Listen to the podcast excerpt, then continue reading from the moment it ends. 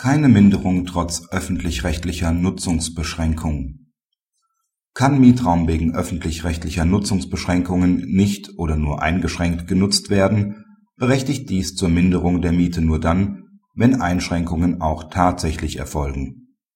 Die Mieter nutzen eine Wohnung, deren Räume aufgrund öffentlich-rechtlicher Vorgaben nicht in vollem Umfang dafür verwendet werden dürfen.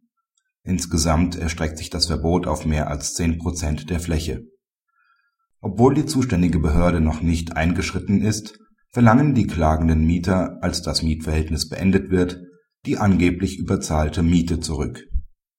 Dies lehnt der BGH jedoch in Übereinstimmung mit den Vorinstanzen ab. Die angemietete Fläche ist vollen Umfangs als Wohnraum zu berücksichtigen. Dies entspricht den Vereinbarungen des Mietvertrags. Eine Nutzung zum vereinbarten Zweck ist während der Dauer des Mietverhältnisses auch nicht ausgeschlossen gewesen denn die zuständige Behörde ist untätig geblieben. Die Kläger waren daher in der vertragsgemäßen Nutzung der Mietsache zum Wohnen nicht eingeschränkt. Praxishinweis Der Entscheidung ist für den offensichtlich bereits abgeschlossenen Sachverhalt zu folgen. Denn die Mietsache entsprach der Vereinbarung der Parteien. Sie war auch in vollem Umfang nutzbar. Anders wird die Rechtslage zu beurteilen sein, wenn die Bauordnungsbehörde eine Nutzung untersagt dann werden Minderungsrechte entstehen.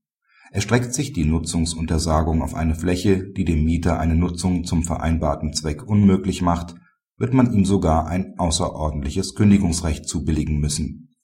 Insgesamt wird Voraussetzung für die Durchsetzung der Rechte des Mieters sein, dass die Behörde ihn zur Duldung der Nutzungsunterlassung verpflichtet und dies auch gegebenenfalls durch Anordnung des Sofortvollzugs umsetzt Solange auch bei einem baurechtswidrigen Zustand eine vertragsgemäße Nutzung erfolgen kann, entsteht kein Minderungsrecht.